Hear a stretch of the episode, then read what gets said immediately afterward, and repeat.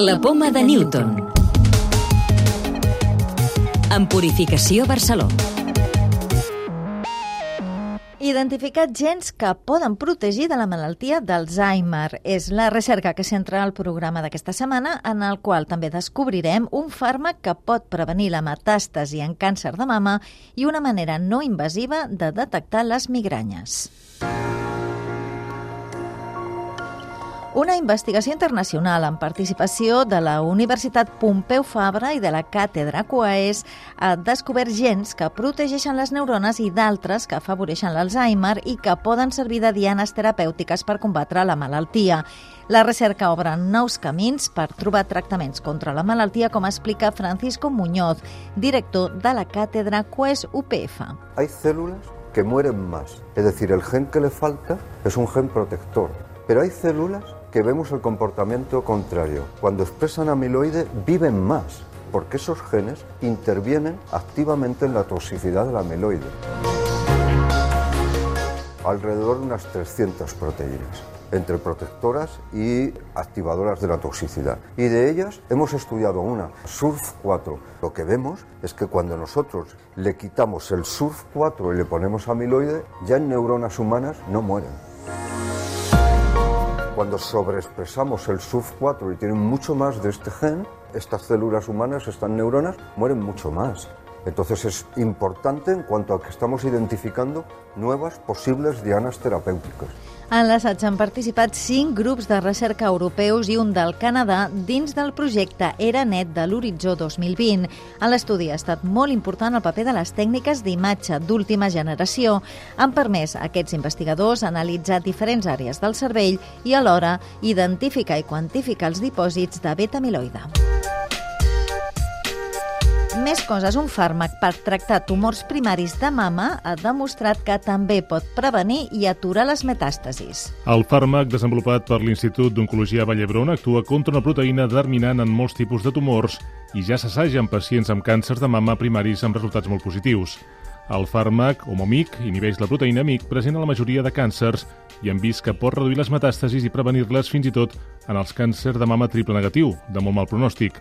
Laura Sousé, que es una de las responsables de la recerca. Un cáncer de mama triple negativo, que es el cáncer de mama más metastásico, y lo que vimos es que no solamente podíamos afectar y parar el crecimiento del tumor primario, sino también prevenir o reducir el tamaño de metástasis ya formadas. La migranya es pot detectar a través de la saliva i, en funció del resultat, determinar el millor tractament per als afectats. És el que demostra un estudi de l'Institut de Recerca Vallebron que per primer cop identifica una molècula, un biomarcador de la malaltia, i amb un mètode gens invasiu.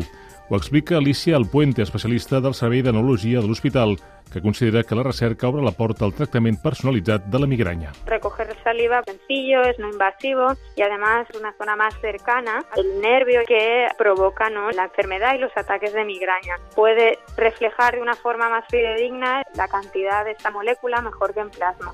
Un estudi d'investigadors australians confirma que la infecció per Covid-19 incrementaria fins a 15 vegades el risc de patir una miocarditis o una pericarditis. Segons aquesta recerca, la infecció també augmenta 7 cops el risc de tenir un embolisme pulmonar, 5 vegades el risc de patir fallida renal i 4 el de tenir un infart de miocardi.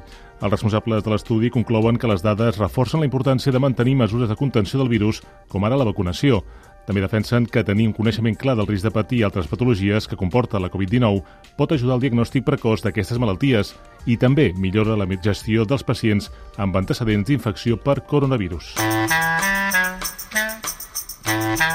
Llibres de ciència. Avui us proposem un llibre que ens recorda com d'important és protegir la natura. La naturaleza de la naturaleza del biòleg català Enric Sala ens demostra com preservar la biodiversitat és fonamental per la nostra supervivència i també la de la resta d'espècies del planeta. Sala detalla en el llibre com tots els animals, des del microbi més petit fins als grans mamífers, tenen una funció en el teixit de la biosfera de la Terra i com formen part d'una complexa xarxa de dependència que fa que tots siguem necessaris, des d'un determinat tipus d'alga fins als humans.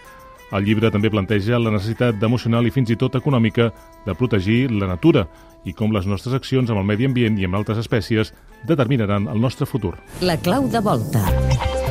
Quina pot ser la causa de l'estenosi aòrtica, la valvulopatia més freqüent? Bàrbara Vidal, cardiòloga de l'Hospital Clínic. La causa de l'estenosi aòrtica no és del tot coneguda, però hi ha un percentatge de gent que amb l'envelliment hi va dipositant calç, de manera que aquests alvels d'aquesta vàlvula no es poden obrir correctament, es va estretant l'orifici d'obertura, surt menys sang i, per tant, el pacient es comença a cansar. Es creu que a partir dels 75 anys hi ha un 4% de la població afectada amb algun grau de severitat d'aquesta valvulopatia. Recordeu que podeu descarregar-vos el podcast de la Poma de Newton o subscriure-us al programa per rebre'l directament als vostres dispositius.